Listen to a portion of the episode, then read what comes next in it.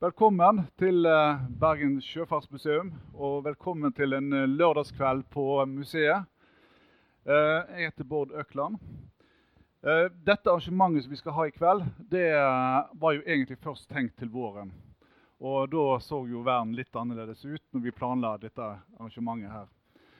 Og det var jo òg fordi at det var jubileum for frigjøringen i 1945 at vi ønsket å ha fokus på andre verdenskrig eh, i år. Det er veldig fint at dere ville komme i kveld, når vi vet hvordan koronasituasjonen er. Eh, vi har, eh, som dere ser, eh, eh, annethvert sete. Makskapasiteten er 40.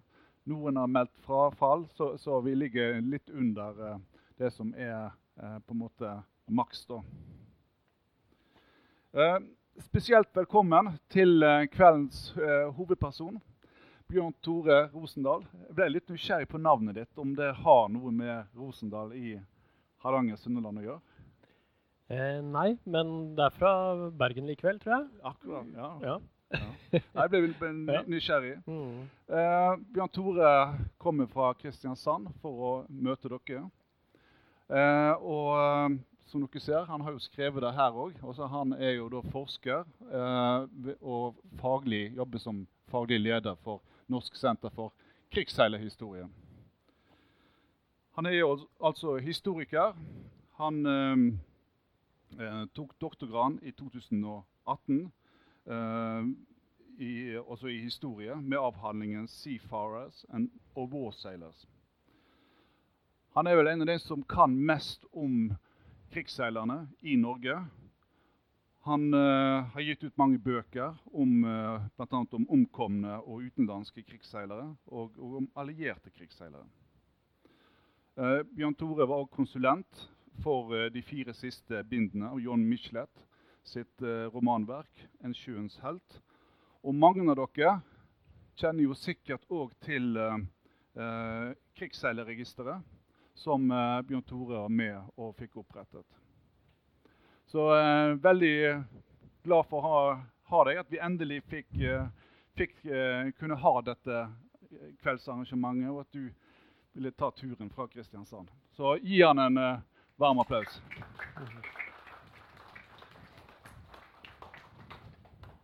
Tusen takk.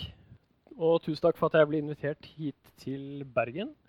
Fantastisk by. Og også hit til dette museet, som jo har en lang og stolt historie, ikke minst i å forske og formidle krigsseilernes historie.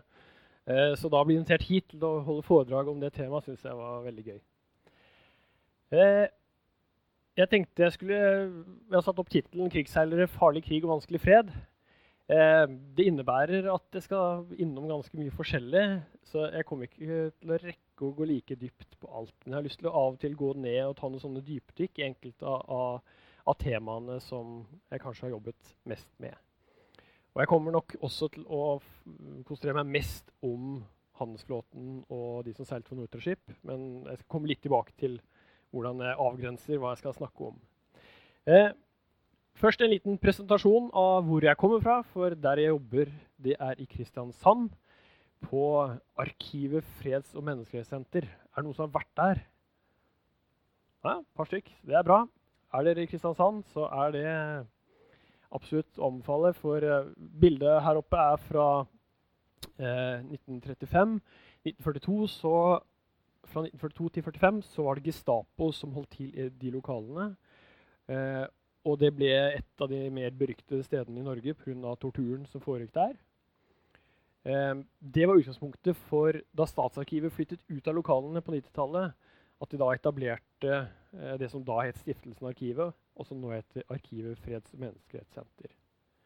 Man holder på å jobbe fram et lignende eh, museum her i Bergen, som jeg syns er kjempebra. Få fram Gestapos historie her også i byen. Og det er litt det samme vi også har gjort i våre lokaler. eh, Rekonstruerte celler, men vi også da forteller eh, ja, 7000 skoleelever hvert år om historien om hva som skjedde under krigen. Men vi jobber også med radikalisering, forebygging f.eks. Og vi har en nettside som vi gjør sammen med Falstadsenteret, som heter fanger.no, som dere gjerne kan kikke inn på hvis dere vil. Og så har vi da eh, Norsk senter for krigsseilhistorie. Altså vi er en del av arkivet, eh, men vi er da et senter innenfor arkivets fire vegger. Det ligger eh, rett på uh, utsida, på Bellevue heter det. Eh, hvis dere vet er lange, stygge broa som eh, går over jernbanen, så hvis du kjører over den, så ser du veldig tydelig den firkanta, gule bygningen. Så um, skal du til Danmark, så kjører du rett forbi før du kommer ned på kaia. Mm. Norsk kjent for krigsherrehistorie. Der er vi tre fulltidsansatte. Og vi har prosjektmedarbeidere og vi har en del frivillige som knyttes til oss. Og vi forsker, formidler og dokumenterer krigsherrens historie. Samler inn bl.a. dokumentasjon etter og om krigsseilere. Og selv driver jeg mye med forskning, og vi står også ansvarlig for krigsseilerregisteret.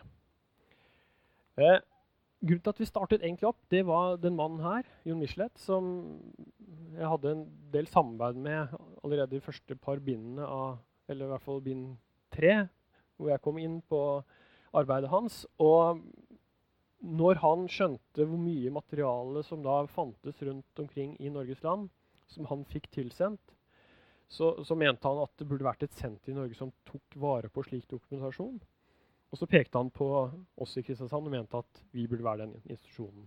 Og da tok vi den ballen på en måte og opprettet eh, Norsk senter for krigsseilhistorie.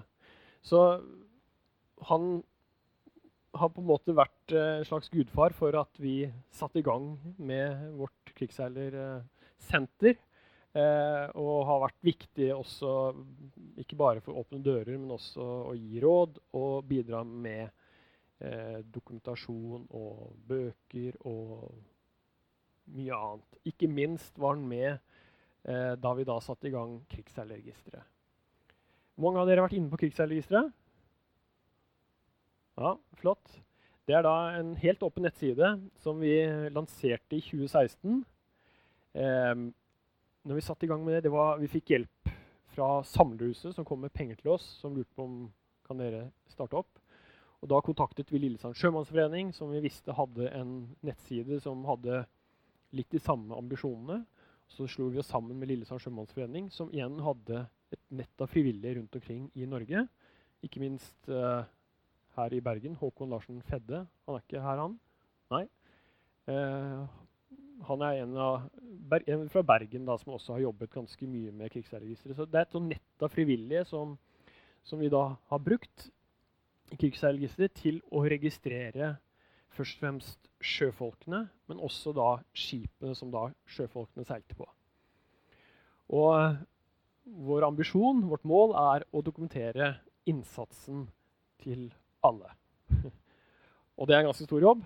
Um, nå har vi passert 66 000 krigsseilere, og vi er langt fra ferdige.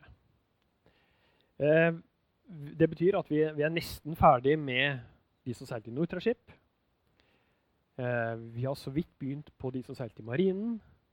Og vi har knapt begynt med de som seilte i hjemmeflåten. Og når jeg da sier at de som seilte i Nortraship, så inkluderer det også utlendingene. Det er derfor det blir så mange som over 60 000. Eh, her kan dere se litt, Hvis dere klarer å se så godt Det er kanskje litt liten skrift for det som sitter bakerst. Men her er en sånn så langt oversikt over hva vi har registrert. Um, igjen, det, det jeg fortalte om hvem vi har registrert Vi deler inn i flåtetilhørighet. Så vi kan se at uh, de som da seilte uh, I uteflåten så er vi da passert 60 000. Det er både norske og utenlandske. Mens hjemmeflåten, som vel i hvert fall 8000, der har vi foreløpig bare registrert 1300 drøyt. Så dette kan dere gå inn og klikke dere inn på. Trykk på 'filter' på, på forsida, så får dere opp de fortløpende tallene hele tiden. hvor langt vi har kommet. Og jeg synes også det er interessant å se på fylkesoversikten.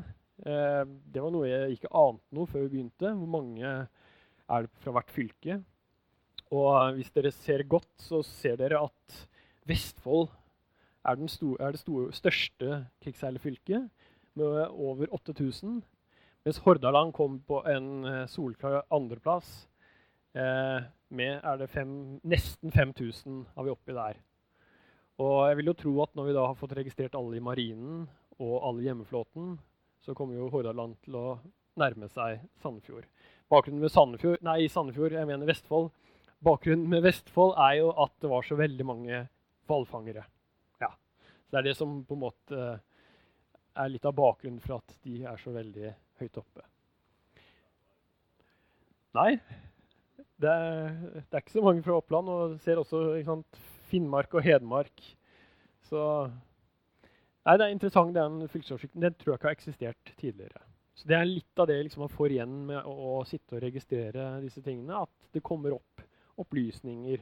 Kvinner f.eks. også, som ikke har visst tidligere med sånn fordelingen hvor mange de var, og hvilke land og sånn de kom fra. Og ikke minst eh, Bare i Nortraship har vi da registrert over 27 000 utlendinger fra ca. 100 nasjoner. Og, og, det også er eh, ganske nytt. Og jeg skal komme litt mer tilbake til bakgrunnen med disse utlendingene. For det er noe jeg har forsket en del på. Men det er også en, på en måte effekt av krigsseilerregisteret at vi får fram disse opplysningene nå. Som er en slags nasjonal dugnad da, om å, å jobbe fram og dokumentere innsatsen til krigsseilerne. Eh, hvis man da klikker seg inn på enkeltpersoner, så er det jo det som er hovedpoenget med krigsseilregisteret. Det er å dokumentere innsatsen til den enkelte sjømann.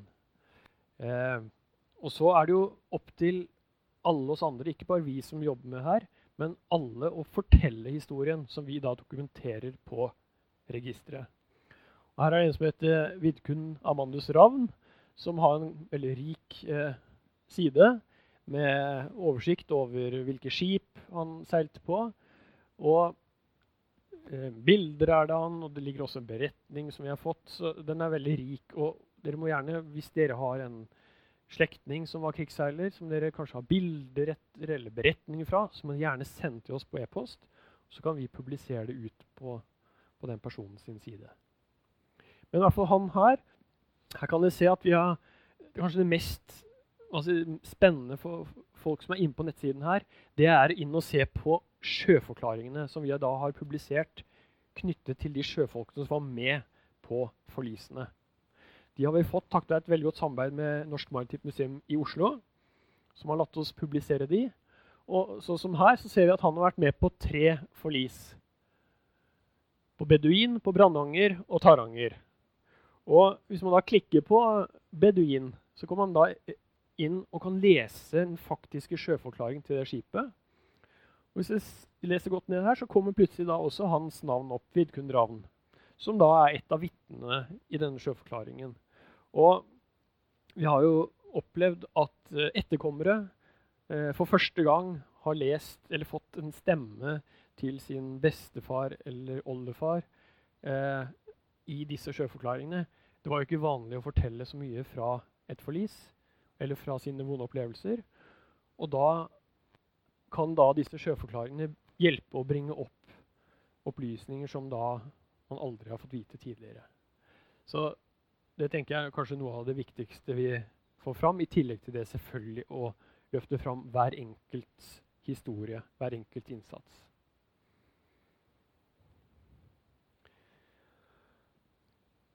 Hvis vi skal fortelle om eh, krigsherrens historie, så tenker jeg ofte naturlig å begynne her. Eh, jeg pleier ofte å spørre er det noen som vet hvor dette er. Stavern. Ja. Er det mange som har vært på minnehallen i Stavern? Ja, det er et fantastisk sted. Hæ? Ja.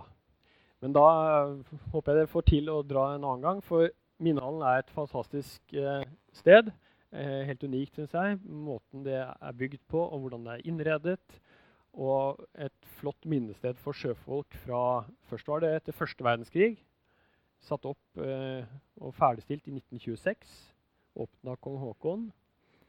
Og etter andre verdenskrig så har det da også eh, blitt et minnested for de som falt under andre verdenskrig. Eh, I hvert fall de i handelsflåten. Eh, de i hjemmeflåten de kom opp på plater i 2015. Og samme med utlendingene to år senere. Marinen har foreløpig ikke kommet opp.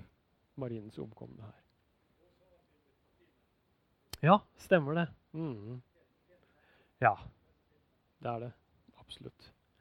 Og vi har nå eh, siste året så har vi jobbet med Vi har overtatt ansvaret for en periode for nettsiden også til Minnehallen. Og lagd nye nettsider her, eh, hvor vi prøver å løfte fram også enkeltpersonen her sin historie tydeligere. Få kvalitetssikret informasjon der. Og for dere som ennå ikke har vært der, så går det an å gå inn på sånn virtuelt besøk.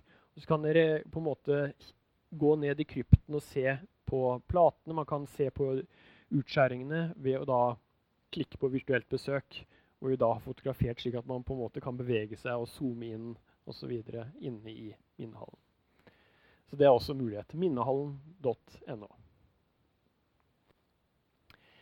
Men mitt foredrag kommer nok mest til å handle om eh, det som starter 9.4.1940. Eh, eh, det er lett å glemme at sjøfolk også var i krig i, i The Phony War, som det kalles eh, fra 39 til 40, hvor eh, det omkom nesten 400 sjøfolk på norske skip.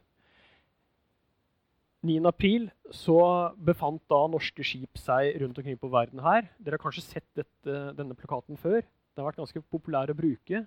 Den ble laget under krigen til en utstilling hvor norske myndigheter i London ville vise hvor stor og viktig den norske handelsflåten var.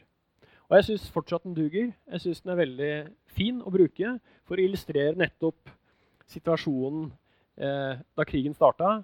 Og man er i en situasjon hvor da skipene befinner seg overalt. Og hva kan man da gjøre for å få kontroll over de, samle de, organisere de? Eh, for dette var av utrolig stor betydning, ikke bare for Norge, men også for de som var i krigen fra før. Så da Kong Haakon eh, i første aprildagene løp i skjul for tyske bomber og sa nei til flere ganger. Eh, så handlet det også om handelsflåten. Det syns jeg ofte har på en måte kommet i tilbakeleksa. Men en av grunnene til at kong Haakon og den norske regjeringen ikke minst ikke ville slutte fred med de tyske invasjonsstyrkene, det var også hensyn til handelsflåten. At da ville flesteparten av disse skipene her, norske flagg, gå over til sannsynligvis å bli britiske eller andre typer flagg som på en måte ville ta over. Og man, Norge ville miste flåten. Eh, og på den tiden så var jo Norge hadde jo fjerde største handelsflåte i verden. Det var datidens olje og gass, sånn som det er i dag. Og derfor var det så utrolig viktig at eh, regjeringen fortsatt sikret seg kontrollen over skipene. De sa også nei til britene når britene foreslo at man kunne heise britiske flagg eh, på skipene. Dette er veldig godt dokumentert av eh, Atle Tofsen, som har skrevet bind 1 om Nortaship. Og jeg syns det er litt sånn viktig sånn bakgrunn å ha med seg når vi skal gå inn og se på sjøfolkenes innsats og betydningen. For når da regjeringen hadde flyktet en stund i Sør-Norge og havnet på Stugeflåten, som akkurat er skillet liksom mellom Romsdalen og Gudbrandsdalen, eh, hadde regjeringsmøte der 22.4, så vedtok de å eh, rekvirere alle norske skip i utenriksflåten. Og det var en et veldig viktig beslutning. De måtte gjøre en ny regjeringsbeslutning 18. mai igjen, for den var ikke helt sånn juridisk god, den som var 22. april. Eh, men igjen, dette er noe av det mer geniale eh, regjeringen Nygaardsvold gjorde under krigen. De har fått mye kjeft, men akkurat opprettelsen av Notraship det var utrolig viktig for eh, eh både for nasjonen Norge, men også for de allierte. Churchill ikke minst var ekstremt opptatt av hvor viktig den norske handelsflåten var. Og lede et land som er en øy, som ligger i krig alene, i hvert fall det første året mot Tyskland, så var det helt vesentlig at denne transportåren ble sikret. Og da var det særlig norske tankskip som var de aller, aller viktigste. Eh, litt uklart hvor mange prosent, men opp mot 40-50% av drivstoffet høsten 1940 kom på norske skip til Storbritannia. Det sier seg selv, Uten de skipene så hadde det vært utrolig vanskelig å ført krigen videre mot Tyskland. Og Det er derfor også dette sitatet som er blitt brukt en del ganger, om at «The Norwegian fleet is worth more to us than a million soldiers», eh, som er blitt gjentatt av en del, eh, også ble løftet fram for å på en måte illustrere betydningen. Og så sier jeg også at det er stor betydning ikke bare for allierte, men også for London-regjeringen. For når London-regjeringen hadde da eh, denne eh, flåten i ryggsekken, så ble de plutselig mye mer interessante å snakke med eh, med de andre allierte. Og den seilte inn store inntekter som da eksilregjeringen kunne bruke på å bygge opp en hær og en marine, men også ha, ha penger til gjenoppbyggingen av landet etterpå. Så Nortraship sikra både for de allierte og London-regjeringen. Jeg tror noe av det liksom, kanskje det som kjennetegner mest, eller veldig mange har oppfatning om, knytter seg til krigsherrehistorien, det er konvoiene. Og jeg tror også noe av det som kanskje har gjort mest inntrykk på de sjøfolkene, i hvert fall de jeg har sagt med, som overlevde krigen, eh, det var det å seile i konvoi selv om det var den tryggeste måten å sørge for en overfart, så var det kanskje også den som var mest skummel, fordi man visste at man ble utsatt for fare. Og så var det de forferdelige opplevelsene når det var angrep, når det var skip i konvoien som sank, og man seilte forbi sjøfolk som man ikke hadde lov til å plukke opp, for det var det det siste skipet i konvoien skulle gjøre. De ropene som da man hørte nede fra sjøen, eh, det tror jeg er noe av det vondeste og verste sjøfolkene som da seilte i disse konvoiene, opplevde. Og bar med seg også lenge, lenge etter krigen. Men det var jo en grunn til at de seilte i konvoi, og det var jo fordi at det var den klart mest effektive måten å sikre at den viktige lasten kom fram. Eh, her har jeg tatt eh, bare sånn tilfeldig konvoioversikt som viser navn på skip og hvilket land skipene kommer fra. Og her ser vi at det er amerikansk skip, britisk skip, man har norsk skip hvor da eh, konvoien ledes fra, kommandoren der. Um, vi har også et Panama-skip her. Vi har nederlandsk skip. No, ikke her, men i andre sammenhenger kan, kunne også være f.eks. svenske skip i konvoiene. Så dette var på en måte konvoiene tenker jeg var noe av det mest sånn, multinasjonale De forente nasjoner som samarbeidet på sitt beste under krigen. Og så, Hvis man da tenker på hver en av disse skipene her, så var det også eh, multinasjonale eh, mannskap om bord. Det var sjøfolk fra mange forskjellige nasjoner som samarbeidet om å få fram den dyrebare lasten. Og så da gjør et lite hakk, hopp tilbake igjen til min egen forskning, så har det vært litt sånn utgangspunkt for meg også når jeg har forsket på den historien. Og det er å ta på alvor nettopp det at krigsherrehistorien den var internasjonal. At det var internasjonal deltakelse på skipene, men også håndteringen, organiseringen, var internasjonal. Det var ikke noe liksom, hver nasjon kunne styre med på egen hånd. Det var noe som ble utført i fellesskap.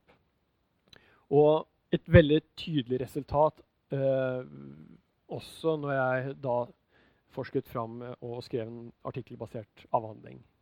Eh, Undertittelen er veldig lang og kanskje litt sånn vanskelig, men undertittelen handler om funnet også av at måten sjøfolkene ble mobilisert på, det som bar et preg av at eh, eh, myndighetene de behandlet de både litt som sjøfolk og litt som krigsseilere. Litt som sivile, litt som militære. At, at, sjøfolkene på en måte ble dratt litt sånn mellom to roller fra å være sivile og militær. De var liksom verken militære eller sivile. Og det preget også måten de ble mobilisert på, og måten tjenesten var på. Et sånt sitat som bare på underbygger også hva dette handlet om.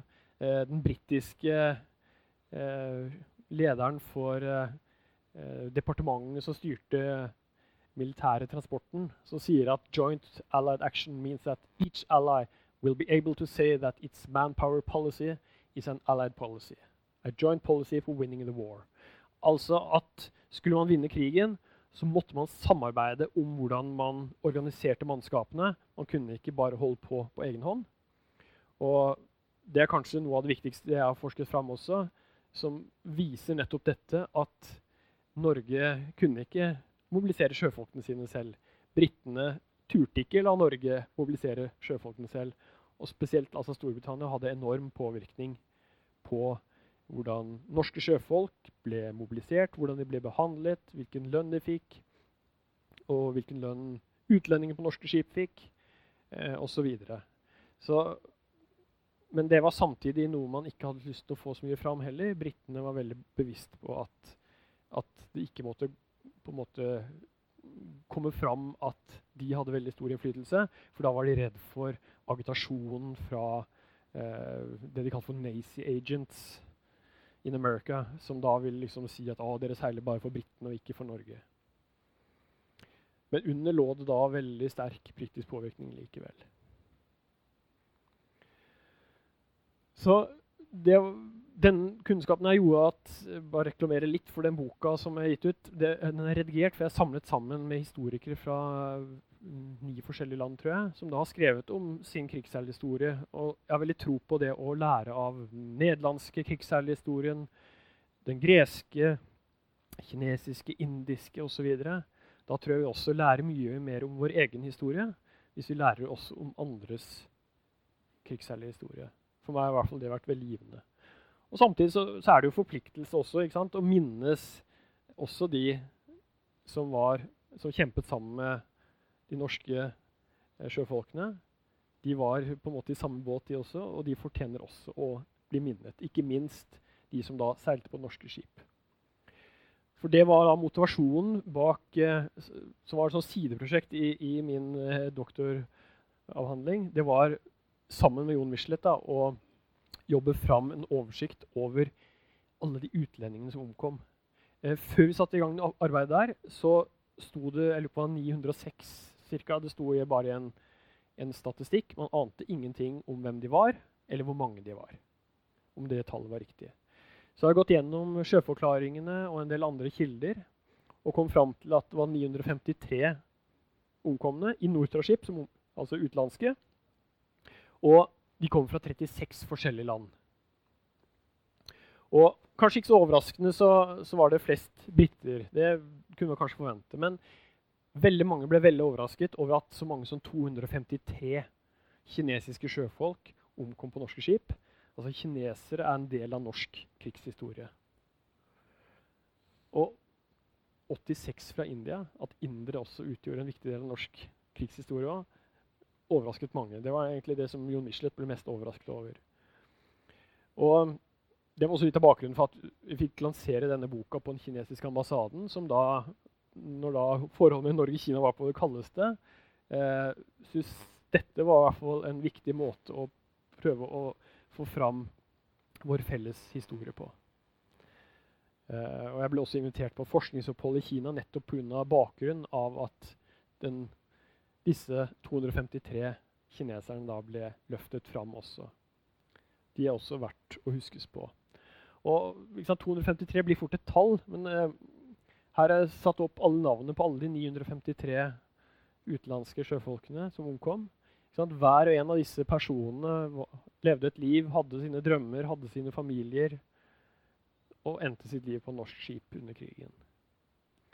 Og menneskeverd har vært et sånn nøkkelord på arkivet der hvor jeg jobber. og Derfor er det også et perspektiv som ligger bak det å få løftet fram hver enkelt person. Og at de da også kommer ned i minnehallen med navnene sine. Hvert og ett navn kommer opp der. Og det at de kom opp i 2017, betalt av Jon Michelet og Rederiforbundet, det var kjempeflott. Og bare det at da kom over 20 utenlandske ambassader til avdukningen der, viser at det også betydde mye for eh, de landene som da fikk sine sjøfolk æret i Norges minnehall. Og så er den liksom ned i enkelthistoriene, som da i hvert fall har som jeg synes er veldig viktig når man ser på storhistorien, at man også av og til går ned og, at, og skjønner at dette handler om enkeltpersoner. Um, unge britiske gutter er noe av det som har gjort aller mest inntrykk på meg. Å se historiene til dem, og hvordan de endte sine liv på norske skip. De var for unge til å ha tjeneste i de militære. Men de var gamle nok til en tjeneste som var like farlig som det militære, nemlig å være på sjøen. Aller yngste jeg har funnet, Michael Golden fra Hull. Han mønstret på omtrent på sin 14-årsdag. Tre måneder senere så døde han om bord på norske skipet Augevald. 14 år og tre måneder. Da er man et barn. Eh, og dere kjenner godt til hvordan det tidligere tider har vært sånn at man kan mønstre på i ung alder. Eh, men likevel, dette var tjeneste som var like farlig som være soldat. Og det er fortsatt vondt å tenke på, syns jeg, at eh, alle disse unge guttene som Jeg tror er sånn 60-talls som var under 18 år av de, britt, av i de utenlandske. Og også naturligvis en del norske som var under 18 år. Ikke så ung som 14 år, så jeg har funnet blant de omkomne norske. Eh, men det var jo 4000 norske ungdommer under 18 år som da seilte på Nortraship da krigen startet. Så det er også en del av krigsseilerhistorien. Og så er det litt tilbake igjen til disse kinesiske sjøfolkene som jeg har vært en del opptatt av. Dette er et mannskapsbilde fra Vulgar rett før krigen bryter ut. Eh, litt sånn typisk med norske offiserer i midten, og så har du sånn China crew rundt. Eh, som var veldig vanlig på, blant norske skip som seilte på Østen. Eh, vokste fram i mellomkrigstiden. Um, det var en sånn måte norske sjøfolk kunne, nei, norske rederier kunne måte opparbeide seg en posisjon på i dette markedet. De fikk dispensasjon for det kravet om antallet norske sjøfolk, siden de var øst for Suez. Og da var det gjerne sånn at man eh, kanskje hadde en av disse her med lue på, kanskje, som var bindeleddet med alle de andre kineserne. Jeg har i hvert fall funnet kontrakten til dette skipet med han kapteinen her, Torkildsen, som viser at han har engasjert Chang Ning Fu and 27 menn. Som Ja, men det var effektivt, ikke sant? Han trengte ikke vite navnet på dem. ikke sant? For det var effektivt så lenge de hadde agenter som på en måte hadde kontrollen på disse kineserne. Og de hadde med sin egen mat og sånn. Og det var enkelt, og alle var fornøyde. Kineserne selv fikk godt betalte jobber i forhold til andre kinesere på fastlandet. Så, men så kom krigen. Og da, når man plutselig havner i en krig, og mannskapslista består av Chang Ning-fu and 27 men, så, så har man et problem. Og det gjaldt ikke minst skipet eh, på et annet skip. Det gjaldt ikke Vulgar. Der hadde man heldigvis en mannskapsliste når det skipet sank i 42.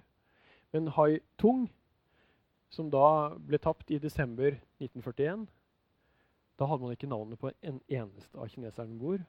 Og i 1946 så skriver da eh, skriver da Nortraship at we regret to say that we have absolutely no details of these men, not even their names. Og det gjorde jo at det ble sendt ut melding til kapteiner at nå må vi begynne å registrere navnene. Altså det, det, det ble sendt ut sånn i 42, tror jeg. Så man skjønte etter hvert at det var lurt å ha opplysninger om navnene. Men det tok litt tid å snu seg om fra fredssystemet til at man seiler i krig, og hvilke krav som stilles da. Så igjen, tenk alle disse her som da Jeg har lurt på etterkommerne, eller eh, kona, barna til de som seilte her, visste de at faren seilte på et norsk skip? Det vet jeg ikke. Norske politikken mot Kina summeres opp av uh, Nortraship selv. De tenkte først og fremst økonomi under krigen. når da kineserne krevde krigstillegg på linje med hvite sjøfolk. Og taktikken var hele tiden å være unnvikende, unngå forpliktende avtaler. Heller gjøre avtaler med mannskap på det enkelte skip, slik at man ikke forpliktet seg til, når krigen var ferdig, å ha høye lønninger på kinesiske mannskap. Og det lykkes de med. De fulgte etter Storbritannia sånn stort sett når det gjelder lønnsnivået. Var litt irritert på britene når de ga høy lønn til kineserne, for da måtte også Norge gjøre det samme. Så det er ikke noen sånn eh, vakker historie om hvordan Norge behandlet sine kinesiske sjøfolk, men det er en del av vår krigshistorie, det også. La oss gå tilbake til eh, litt andre typer krigshistorie. For jeg, altså, når krigen starta, så var det 27 000 på Nortraship sine skip. 24 000 av de var norske. 10, 000, 10 ca. utlendinger. Så økte det til 25% i 1943. Da var det sånn 4000-5000 utlendinger om bord. Flest briter i 1943, mens da krigen starta, så var det flest kinesere. Da var det rundt 1000 kinesere på norske skip. Men hver en av alle disse krigsseilerne, både de norske og utenlandske, de har jo hver og en sin historie, som vi dokumenterer på krigsseilregisteret. Men noen historier er jo mer dramatiske enn andre. Og her er da en av de historiene jeg tenkte å bare løfte fram her. Er, er mange av dere som har hørt historien om Borgestad før? Nei. Og dette er da et skip som uh, ledet en konvoi som ikke hadde noe militær eskorte. De hadde en kanon framme på dekk, men de fraktet bomull primært. Og ledet da en konvoi på 19 skip. Og så møtte de da den tyske slagkrysseren Admiral Hipper. Eh, den tyske krysseren Admiral Hipper, ja. Og da er jo spørsmålet hva gjør man da? Kapteinen om bord, Lars Grotnes, han tok da den utrolig vanskelige beslutningen det må ha vært, å seile rett imot den tyske krysseren. Idet han gjorde beslutningen, så visste han at det aldri ville kunne gå. Men vi vet jo aldri hvorfor han gjorde det, men det er rimelig å tro at han gjorde det for å gi de andre skipene i konvoien en mulighet til å komme unna. Og eh, Borgestad ble jo selvfølgelig fullstendig ødelagt av det tyske skipet. Alle 31 om bord omkom. Men vi regner med at det bidro til at noen skip hvert fall slapp unna. Så 12, ja, 12 av de 19 skipene klarte å unnslippe. Sju skip i konvoien ble senket av, av hipper. Og det er jo Dette er krig. Han tok en vanskelig beslutning. Ikke bare om seg selv, men det rammet jo hele mannskapet hans. Men sannsynligvis så førte da det offeret til at andre igjen kunne overleve. Det er en lignende historie med skipet Jervis Bay, et britisk skip som gjorde akkurat det samme. Om bord var også den kvinnen her. Eh, hun het Norma Hace.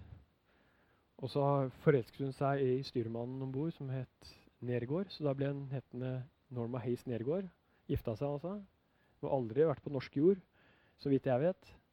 Eh, hun døde også om bord her. Eh, hun, etter sigende skal hun da være den første amerikanske kvinnen som dør i kamp under andre verdenskrig. Jeg har ikke fått verifisert det, men hun må i hvert fall være blant de aller første kvinnene. Som også er verdt å minnes hennes historie. Fienden Det kunne jo selvfølgelig være overflateskip som hipper eller fly, miner, store og små skip. Men de mest fryktede var naturligvis ubåtene. Eh, her i Bergen var det jo base for tyske ubåter. Eh, og jeg tror ubåtene de senket flest, men jeg tror også de skapte mest uhygge, siden man aldri visste helt hvor de befant seg. Og det bildet her er da et eh, altså U-124 som kommer seilende inn med trofeer de har skaffet seg, som viser hvilke skip de har senket. Én vimpel for hvert skip det er senket, og de har til og med fått tak i livbøyen til noen av skipene. Tweed ser vi bl.a. her, som er et av skipene som de senket. det er også verdt å tenke på at uh, ubåtvåpenet det var jo den tjenesten som var aller farligst på tysk side under krigen. Der mistet tror jeg, rundt 75 livet av de som deltok. For etter hvert som krigslykken snudde seg, så ble det ekstremt farlig å seile eh, på en tysk ubåt. Så på en måte det, det snudde veldig akkurat i sånn april-mai 1943. Til slutt så trakk jo Dönitz sine ubåter etter hvert ut av Atlanterhavet for en periode også. Fordi det gikk så hardt utover eh, alle ubåtene hans.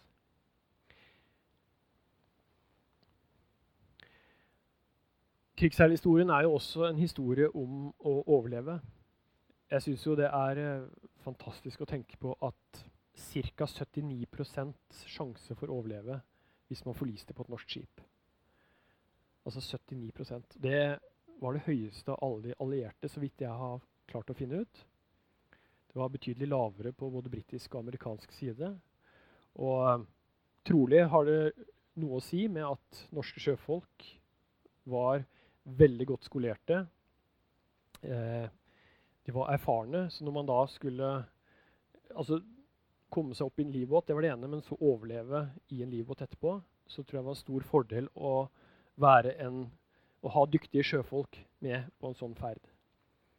Eh, I forhold til særlig amerikanerne, som da rekrutterte mange tusenvis av sjøfolk fra Midtvesten eksempel, som ikke hadde noen erfaring til sjøs. Og når de da plutselig opplever forlis, så tror jeg, hvert jeg at det blir mye vanskeligere å da klare det å overleve. Det er én ting. Men så vet vi også at utlendinger på norske skip hadde lavere sjanse for å overleve. Kinesere spesielt.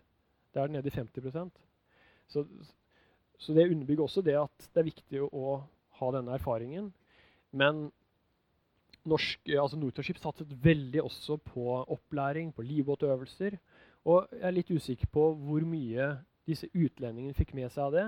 De var ikke så lenge om bord på norsk skip. De var kanskje et halvt år, og så var de over på et annet, kanskje et Panama-skip. Eh, så om de ble med i denne sikkerhetskulturen som de norske sjøfolk var en del av, det er jeg litt usikker på. Og kanskje den aller viktigste grunnen til at så mange overlevde på norske skip, det var disse overlevelsesdraktene. Til venstre så ser dere en sånn britisk versjon med som dekker til hendene. Eh, Nortaship fikk lagd en basert på behov fra sjøfolkene. At du skulle ha mulighet til å bruke hendene. Her sitter de om bord på Det er jo et veldig kjent bilde egentlig, fra skipet Montevideo. Eh, så sitter og venter. Ser på ansiktene. Er ganske preget av situasjonen. Men igjen, disse draktene som da ble kjøpt inn i titusentall, de tror jeg reddet livet på veldig mange som falt i sjøen men også det å sitte i en livbåt med den drakten på for å på en måte ta av for vannsprut og vind, tror jeg også var veldig viktig.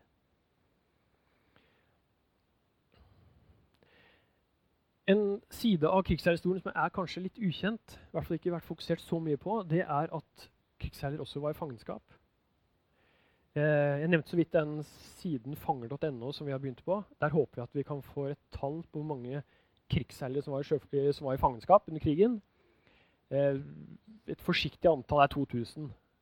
Eh, sannsynligvis var det flere.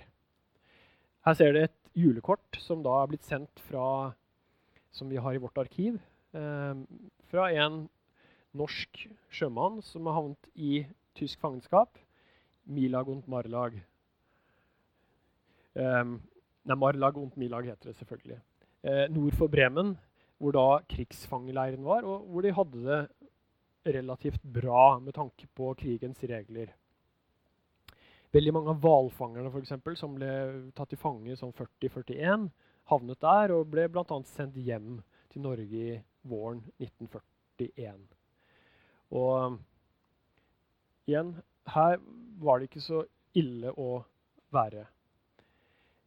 Derimot var det langt, langt verre for de som var om bord på Kvarstadskipene, som da ikke ble dømt etter, eh, og behandlet etter krigens regler. Ble NN-fanger, havnet i Sonnenburg og Bergen-Belsen, som det er bilde av her. Eh, Kvarstadskipene er jo en egen, eget tema, et svært tema. Tragisk tema.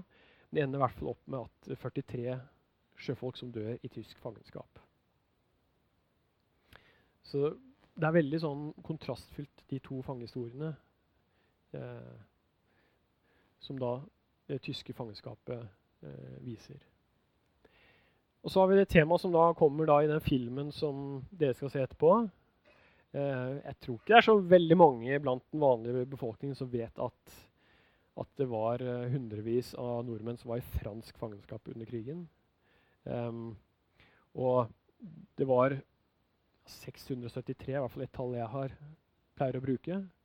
Eh, mange av de var internert om bord på sine båter, slik som Lidvar, sånn som dere skal se etterpå, på kino.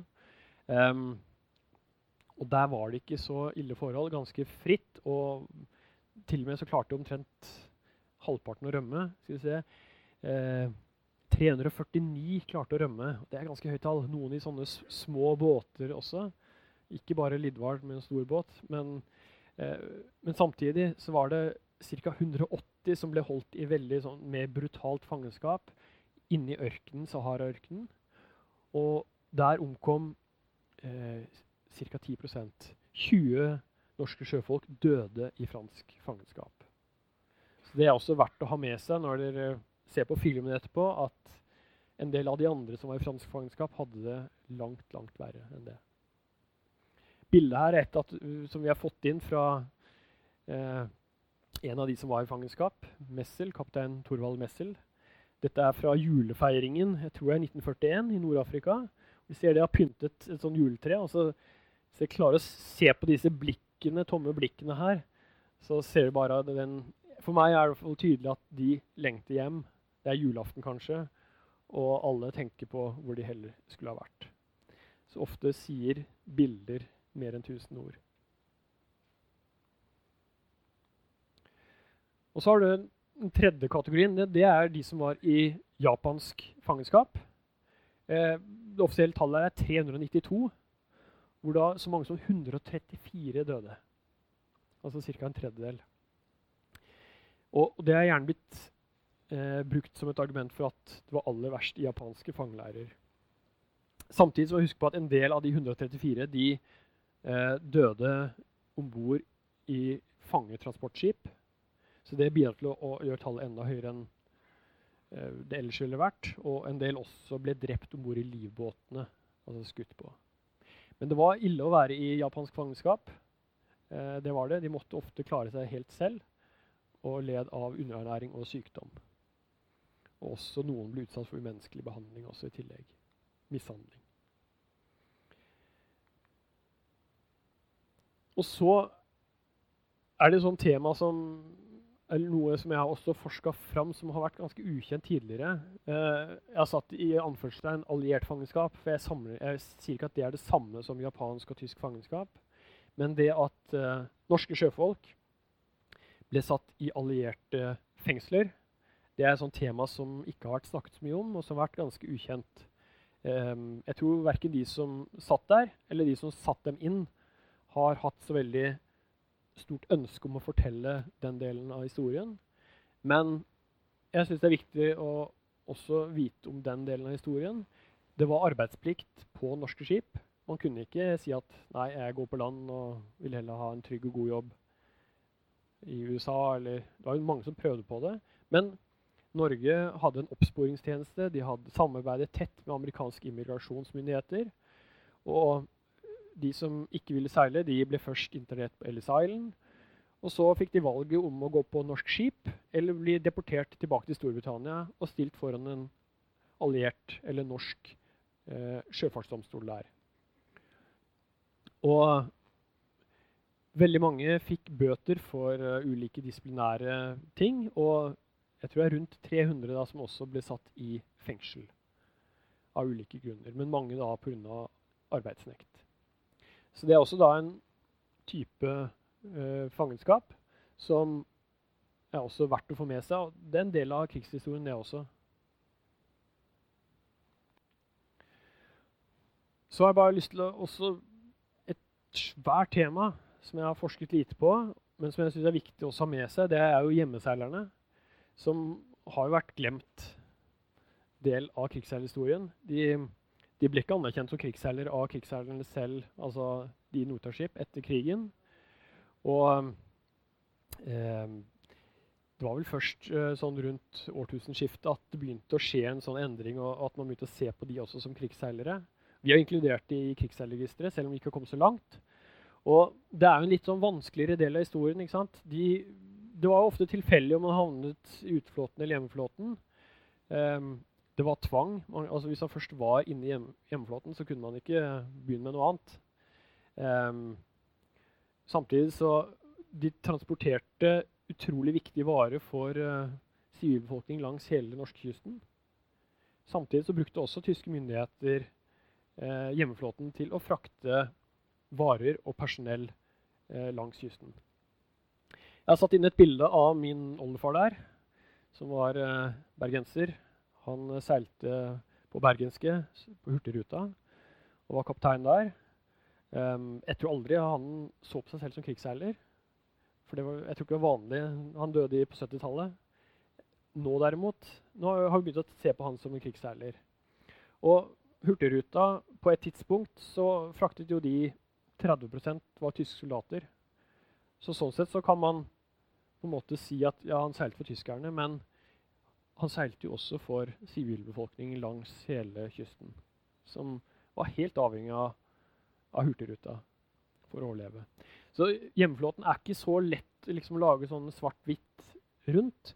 Og det har også gjort at det ble på en måte tabuisert det å være hjemmeseiler under krigen og også etter krigen. Og jeg har vært på krigsarrangement hvor jeg har møtt en hjemmeseiler som er, går, kommer der uten medaljer og sier 'nei, jeg var bare hjemmeseiler', jeg. Men det var jo like farlig.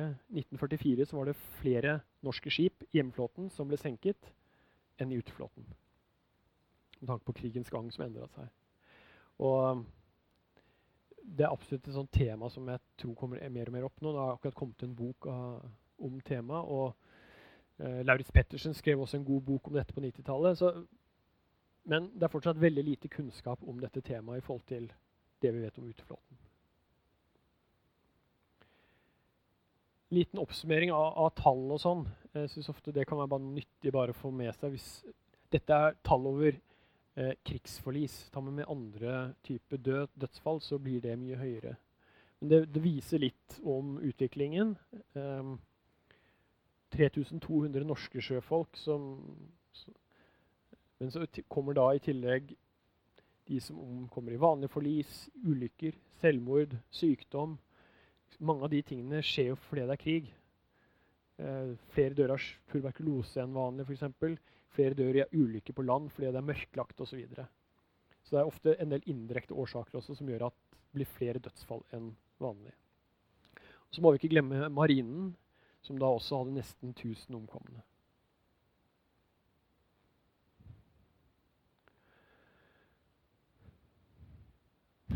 Klokka går.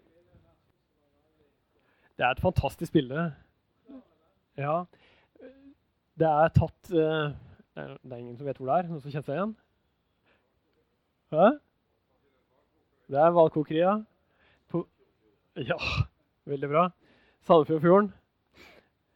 Og hvilke skip det er altså, Jeg har en 103 år gammel kaller for en kompis som heter Edvard Trevland, som var på eh, Rossen, som var et av de hvalkokeriene som overlevde. Han mener at det er Rossen som kommer seilende inn her, som i hvert fall kom inn da sommeren 45. Og det jeg i hvert fall vet, er at her er det kone, datter og barnebarn som står og venter på, på sin krigsseiler. Eh, Sir Ross Clark, tror jeg det heter. Det er, de kaller meg for Rossen. Så eh, Men dette kom hjem sommeren 45, og det var jo på en måte heldig unntak. Eh, de fleste kom jo ikke hjem eh, før i utover, altså de kom gradvis hjem. I 1947 så er det en avisnotis om at fortsatt så er det bare kommet hjem eh, 9000 fra ute. Og arbeidsplikten gjelder fortsatt, og det er fortsatt noen som ikke har fått lov til å reise hjem ennå, fordi de er helt avhengig av transporten videre. Så eh, plikten fortsatte langt inn i fredstiden, at de måtte seile. Og tenk på da familien som venta hjemme på en de kanskje ikke hadde sett siden 1939. et tema er da hvordan hadde så disse det under krigen. og Det skulle jeg gjerne gått mer inn på her, men det eneste vi kan si, det er at det er et svært kapittel i seg selv. Mange hadde veldig vondt, veldig vanskelig. Eh, rapporter tilsa at noen hadde det verre enn de som gikk på forsorgen, ble det rapportert om. Noen fikk familietrekk fra rederiene sine. Andre så stoppet disse familietrekkene å komme. Så her trengs det mer forskning for å vite hvordan de ulike familiene klarte seg. Men veldig mange sjøfolk, krigsseilere, snakker veldig mye om disse konene som holdt familien samlet hjemme, og som er de store heltene. Dere har vel et sånt monument her i Bergen, har dere ikke? Om sjømannsmoren. Er det her? Ja. Det er vel en Hommen satt opp, var det ikke det? Sørlending. Ja, ja. Det er et litt sånn Ja. Så det er litt sånn bakteppe med tanke på den vanskelige hjemkomsten som krigsseileren er veldig kjent for. ikke sant? Det har på en måte definert det å være krigsseiler. Det er en vanskelig hjemkomst.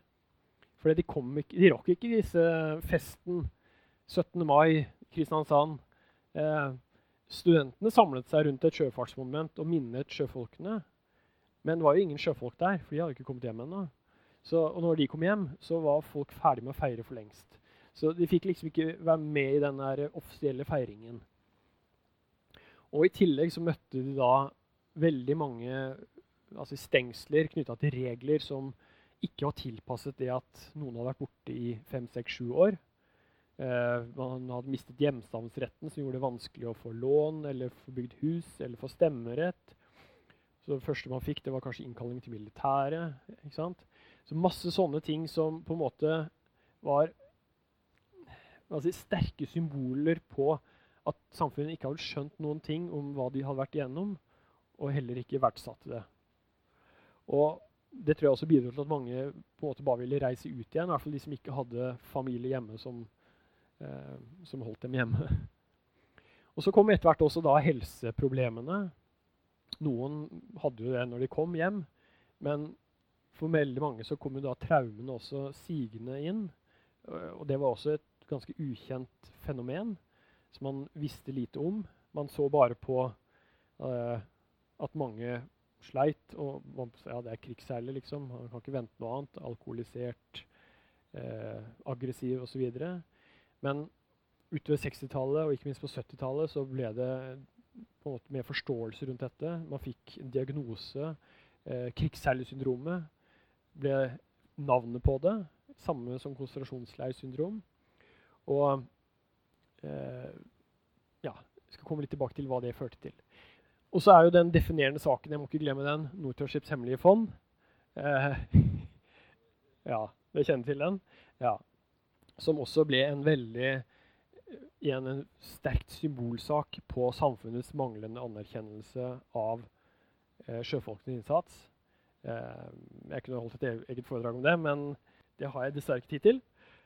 Det virker som dere kan den historien, men eh, det har i hvert fall vært kanskje den mest sånn vonde delen av krigsseilernes historie. Eh, en sånn verkebyll da, som da kom med Stortingets vedtak i 1948 om at pengene i det fondet skulle ikke deles ut til alle, men settes i et fond som skulle bare fordele til de som var på en måte verdige. Men så kommer det da sant, en sånn bølge med positive ting. ikke sant? Eh, forståelsen av helseutfordringene gjør at eh, I 1968 så er det mye lettere å få krigspensjon for sjøfolkene. Da tidobles antall personer som får krigspensjon pga. denne tilleggsloven. I 72 så kommer den såkalt ex gratia-utbetalingen, som, som, er på en måte en kompensasjon for Nortraships hemmelige fond. Alle som har seilt i Nortraship, ikke marinen, ikke hjemmeflåten, de får da 180 kroner for hver måned de har seilt i Nortraship.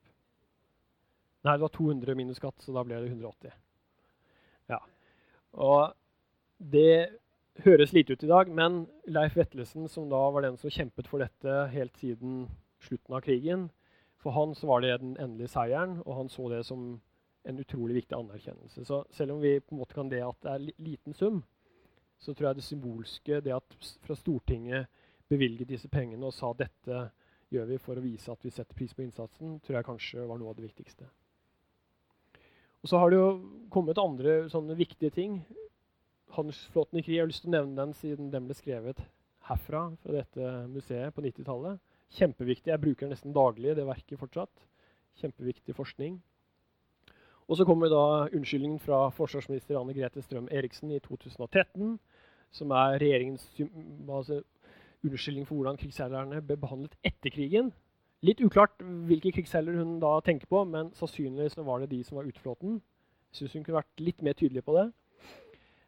Og det at denne bølgen kommer, da, eh, gjør også at VGs lesere stemmer fram krigsseilerne som eh, de viktigste nordmenn siden 1814 i 2014. Det tror jeg ikke hadde skjedd hvis den avstemningen hadde vært på la oss si 80-tallet. Andre ting som har skjedd. Hestmannen har blitt et norsk krigsseilermuseum med base i Kristiansand. Eh, det største opplevelse var da de var i Bergen, for da ble de så fantastisk tatt imot. som jeg bare får sagt. og jeg tror også krigsseilerregisteret, det at det har kommet, er et utslag av denne bølgen som nå har på en måte vart i ti års tid, og som da kanskje er viktigste fanebæreren har vært Jon Michelet. Som dere helt sikkert kjenner til med bøkene han skrev vil anbefale også de tre sakprosabøkene som han skrev i forkant, som var en slags prolog til de seks romanene. Og vi har da, som da samarbeidet tett, har da tatt imot både hans arkiv og bibliotek knyttet til hans arbeid med disse bøkene, for å da videreføre eh, hans eh, arbeid, men også ta vare på dokumentasjonen og gjøre den tilgjengelig for studenter og forskere og andre som har lyst til å la seg inspirere av hans arbeid.